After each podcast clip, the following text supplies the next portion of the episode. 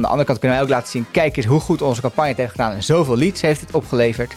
Alleen de vraag is, levert het ook echt zoveel op?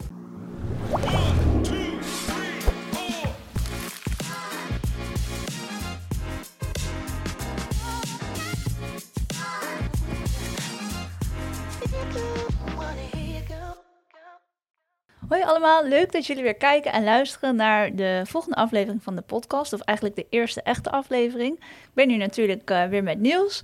En um, ja, we beginnen eigenlijk altijd. Uh, wat is je opgevallen deze week? Wat mij is opgevallen deze week is um, dat er, er kwam een artikel langs op Marketing Fact. Um, dat CMO's weer veel meer gaan uh, focussen op ROI. Um, en dat marketingbudgetten onder druk staan en dus dat die ROI uh, ja, weer bovenaan de agenda staat. Ja, ik, uh, het is psychologisch uh, met de huidige economische ontwikkelingen.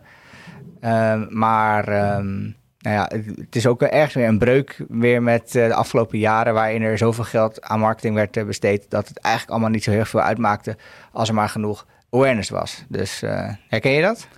Ja, ik herken dat wel. En um, ja, we gaan het er ook ja, nog wat dieper op in natuurlijk. Maar het is soms ook best wel lastig uh, om echt elk specifiek aspect van marketing te meten. Ik denk dat je niet alles moet willen meten. Ja. Um, meten is natuurlijk heel belangrijk, want je wil wel weten wat je investering gaat opleveren. Maar sommige dingen ja, kun je gewoon wat minder goed meten. Zoals een uh, brand awareness campagne. Ja, je kan de traffic naar je website gaan meten. Maar of er volgende maand of volgend jaar een nieuwe klant uitkomt, omdat hij op dat moment een keer van jou hebt gehoord, dat ja, ja, is niet altijd helemaal te meten. En belangrijker nog, wat is dan de return on investment daarop? Precies. Ja, dus je kan misschien, misschien meten hoeveel traffic je hebt. Of uh, je kunt, uh, en dat je daar op basis daarvan zegt: oké, dus dan is het een succesvolle campagne geweest, ja of nee. Uh, nou, volgens mij genoeg eh, stof zou dat zijn om een hele podcast uh, te vullen. We gaan het vandaag over iets anders hebben. Voor we uh, daarover beginnen, aan jou ook de vraag: wat is jou opgevallen? Um, ik kwam een hele grappige advertentie tegen op Facebook. Een hele andere opvallendheid. En dat was een advertentie van Samsung. Waarmee je hun app kon installeren om dan over je iPhone het soort Samsung design heen te leggen. Om eens te ervaren hoe dat nou is als je een Samsung telefoon zou hebben. en ik, ik, ik vond het ja, ik vond het eigenlijk wel heel slim en grappig. Ik heb het niet gedaan. Want, maar, want jij hebt ook een iPhone? Ja, ik ja, heb, ik heb ook een iPhone. Ja. Ik heb het dus niet gedaan, want ik denk, ja, ik ben hartstikke blij met mijn iPhone. Maar ik vond het wel een slimme manier om de gebruiker eens kennis te laten maken met iets nieuws. Of het nou heel succesvol is, dat weet ik niet. Want ik ben al een keer geswitcht tussen Android en iPhone. En ik vond dat toen al heel erg wennen. Ja, dus ja, ik ja, weet niet of ze heel veel succes ermee gaan behalen. Maar ik vond het wel een slimme manier. Ja, ik denk wel. Mijn vrouw heeft een, uh, een Samsung en ik uh, gebruik die wel eens. En we hebben altijd ruzie, want ik kan iets niet vinden. Dan zeg ik, ja, het is allemaal slecht. En dan, als zij mijn telefoon gebruikt, zegt ze, oh, wat is het waardeloos, de Apple. Dus het zal ook vooral een, ja, een voorkeur zijn uh, waar je gewend aan raakt. Maar op zich is het wel leuk dat je ja, met zo'n uh, app uh, je directe concurrenten op die manier target. Wat wel echt wel best wel grappig is. Ja, vond ik wel slim. Oké. Okay. Um, het hoofdthema vandaag, of uh, de stelling die we vandaag behandelen, is leadgeneratie werkt niet meer in 2023. Um, en oh ja, we zitten natuurlijk uh, allebei, uh, zijn we werkzaam als marketeers in de IT-sector. Um, de afgelopen tien jaar was toch onze voornaamste taak... Zorg dat er zoveel mogelijk leads worden gegenereerd voor de salesafdeling. Kun je goed meten natuurlijk. Kun je goed meten. Uh, en ja, dus dat is, ook, uh, dat is ook prettig voor ons om dan, uh, ja, aan de andere kant kunnen wij ook laten zien, kijk eens hoe goed onze campagne het heeft gedaan en zoveel leads heeft het opgeleverd. Alleen de vraag is, levert het ook echt zoveel op? En er zijn steeds meer ja, discussies in het vakgebied ook van, goh, is leadgeneratie nou wel, um, ja, de beste manier om marketing resources in te zetten? Dus nou, ik heb er een heel uh, idee bij. Maar ik uh, zou jou eens willen vragen: eens of oneens met deze stelling? Eens of oneens? Um, ik zou toch moeten zeggen oneens. Maar wel met een toelichting. Het is okay. altijd een beetje een grijs gebied natuurlijk. Um, ik denk dat de, de manier hoe we dat veel hebben gedaan met de zeven trends en de zeven manieren om uh, meer uh, X te bereiken, ja, die whitepapers en zo, ik denk dat mensen daar over het algemeen niet heel erg mee intrappen. Um, als je echt toegevoegde waarde gaat leveren en mensen echt gaat helpen met hun probleem en zo, en uh, ze ook weten dat jouw bedrijf of hetgeen wat, waar jij dat publiceert, dat die content goed is en echt waarde toevoegt, dan vind ik het wat anders.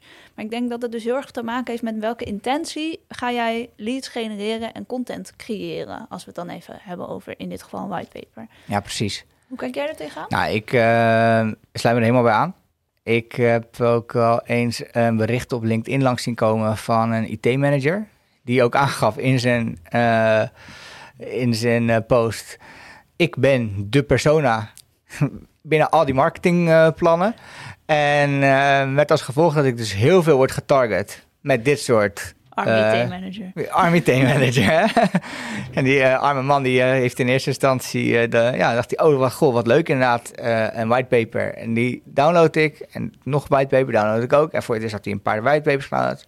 Kreeg hij allerlei nurture flows toegestuurd. Ja, zijn marketing qualified lead score was, was hartstikke hoog Precies. en met als gevolg dat hij dus ook door, dat hij de hele tijd werd gebeld. Um, en ja, kijk, ik denk dat hier het grootste probleem wordt blootgelegd. Want ik ben het helemaal met je eens dat je zegt, als je waarde creëert, dan is het ook prima dat je daar iets terug voor verwacht. In de vorm van uh, ja, iemands gegevens om eens na te bellen om te kijken of er een commerciële kans ligt voor de organisatie. Uh, op zich is dat, uh, is dat best een aardige ruil, zeg maar. Alleen er is zoveel content. En ehm, als content alleen wordt geschreven om daar de, de persoonsgegevens mee uh, op te halen, ja, dan is het de vraag ja, of dat nog werkt in 2023. En, da en daarvan denk ik eigenlijk uh, van niet. Dus het kernwoord is toch het leveren van die waarde voor die, uh, voor die potentiële klant. Ja, ja, mee eens. En waar denk je dan ja, dat het een beetje naartoe gaat? Ja, ik, um, ik denk dat de lead generatie zoals we het nu kennen evolueert. Dus um, als we nog één stap terugzetten, want wat hadden we voor dat we leads genereerden? Toen hadden we cold calling. Um, toen, um, ja, in de jaren 80, 90, pakten mensen gewoon een telefoon en belden gewoon willekeurig naar het bedrijf om uh, ja, hopelijk met uh, de koper van het uh, product te komen spreken.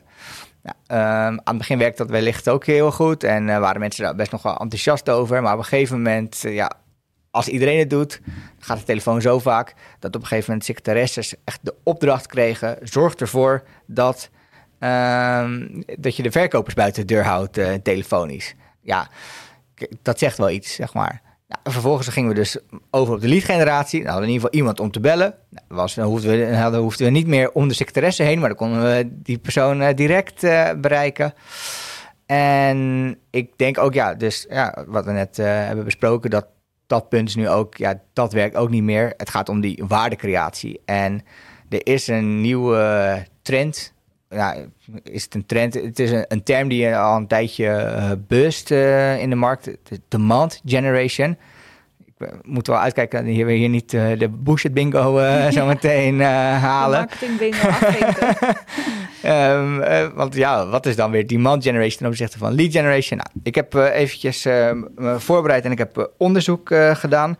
En volgens Gartner is demand generation een marketingstrategie gericht op het opbouwen van betrouwbare naamsbekendheid, brand awareness en interesse, resulterend in hoogwaardige leads. Dus uiteindelijk moet het alsnog leads opleveren. Alleen is niet meer het, uh, de focus ligt niet per se op het genereren van die persoonsgegevens, maar de focus ligt op het ja, uh, brengen van die waarde en ook om die vraag aan te wakkeren. Dan moet ik meteen wel eerlijk gezegd erbij bekennen dat ja, als ik kijk naar de campagnes die wij de afgelopen jaren hebben gedaan, dan was dat eigenlijk al op die manier uh, ingestoken. Want we hebben altijd gezegd, je gaat niet meteen nabellen voordat je weet dat iemand voldoende interesse heeft getoond op basis van de interactie die hij met je content heeft. Ja, ja en ik denk ook dat, um, Ja, we hadden het net al eventjes over de intentie. En dat marketeers die uh, werkzaam zijn uh, binnen de IT en met lead generatiecampagnes bezig zijn en het creëren van content en webinars, dat die heel goed als ze even naar zichzelf kijken en reflecteren, weten van ik ben nu even een klein snel trucje aan het doen om toch even wat gegevens te verzamelen of ik ben hier echt waarde aan het toevoegen. Iedereen die eventjes terug gaat kijken op zijn campagnes weet wel wanneer die de ene kant of de andere kant op gaat. Ja. En het is gewoon goed om heel scherp te blijven op het toevoegen van die waarde. Want ja, dat trucje, dat hebben mensen inmiddels wel door. Ja, tegelijkertijd blijft het natuurlijk wel zo dat de organisatie toch vaak vraagt van oké, we hebben meer leads nodig. Ja, dus je dat zit is wel een in dat spagaat. spanningsveld, Ja, eh, inderdaad. Maar goed, uiteindelijk gaat het om het toevoegen van waarde voor de organisatie waar je voor werkt. En ja, in eh 20 leads, wat eigenlijk allemaal eh, zelfstandigen blijken te zijn of concurrenten, dan heb je een mooi aantal in een kwantitatief cijfer. Maar kwalitatief doet het nog niks.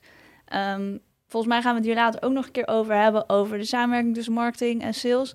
Maar ja, als je geen samenwerking hebt en dus alleen maar aan die kwantitatieve getallen gaat zitten scoren eigenlijk, Ja. dan voegt het ook niks toe. En dan heb je salesafdeling er ook niks aan en je bedrijf ook niet. Nee, klopt. Dus ja, Ja. die zogenaamde vanity metrics. Dus eh, we zijn heel trots op eh, de resultaten die we hebben bereikt. Uiteindelijk heeft het commercieel helemaal niks opgeleverd. Maar ach, ja, wij hebben in ieder geval onze doelstelling eh wij behaald. kunnen ons vinkje zetten. Ja, precies. Ja. Ehm, ja, iets anders wat ik nog wel leuk vind om eventjes aan eh, te haken met het hele demand generation verhaal. En eh, ik ze- zei net al iets over eh, ja, de bingo met van alle verschillende marketing eh, theorieën en modellen. Want ehm, ja, in eh, B2B marketing en ook vooral voor IT-bedrijven is de inbound marketing aanpak natuurlijk ook heel erg populair geweest de afgelopen jaren. Ja. Ergens kun je afvragen wat is nou het verschil dan tussen demand generation en inbound. Nou, eventjes eh, om de kijkers heel duidelijk mee te nemen wat inbound nou precies is, heb ik daar ook een, eh, een definitie van, van opgesnord. Inbound marketing is een methode die klanten aantrekt door waarde- waardevolle content en ervaring op maat te, te creëren. Terwijl outbound marketing je publiek interrumpeert met content die ze niet altijd willen, vormt inbound marketing verbindingen waarnaar ze op zoek zijn en lost de problemen op ehm, die ze al hebben. Nou, dus als we dit even heel concreet eh, vertalen, dit is ook een beetje het zoekmachineverhaal natuurlijk. ehm, en daar, komt, eh, daar eh, is het ook wel goed overheen te leggen. De opkomst van de zoekmachine. Ehm, en dat iedereen start eh, met bloggen. En ook als ik kijk naar HubSpot, en daar zal ik zo meteen nog wat meer over vertellen. Maar ja, die zijn mega goed in die, ja, hun eigen aanpak.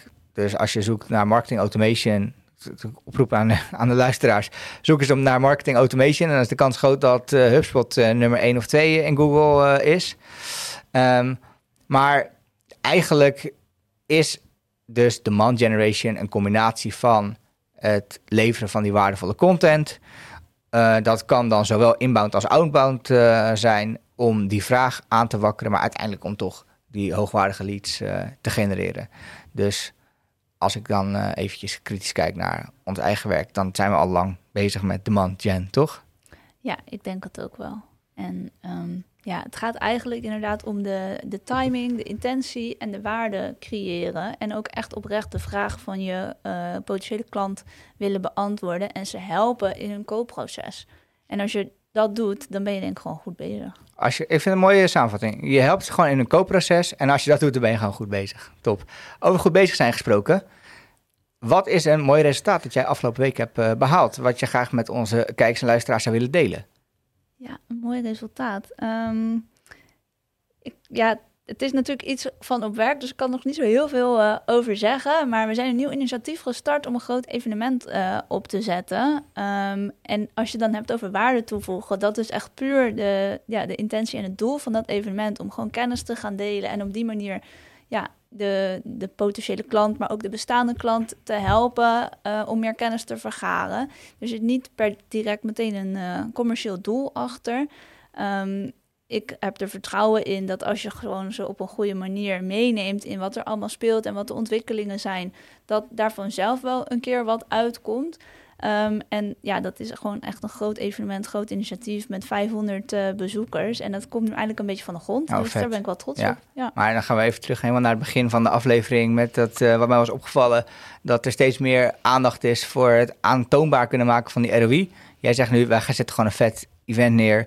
En eh, daarvan heb, eh, heb ik het gevoel dat gaat uiteindelijk gewoon commercieel succes opleveren. Alleen we meten het niet per se op die manier. Nee, we gaan natuurlijk wel meten en bijhouden van eh, als er een nieuwe upsell binnenkomt of een nieuwe order. ehm, ja, kijken of dit een touchpoint geweest is of die Ja. persoon op het event geweest is. Maar het is niet van tevoren gezegd van het moet zoveel business gaan opleveren. Ja, zo. Dus dat oh, op die manier. wel, wel je meet mooi. het wel? Ja. Ja. ik vind het wel. En wat je zegt, als je die touchpoints gewoon meet, dan neem je het gewoon, neem je alles mee in die waardecreatie voor die eh, potentiële klant.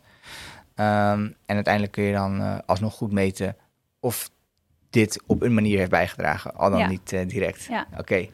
En, eh, en bij jou? Ja, ik ben vorige maand gestart met een eigen YouTube-kanaal.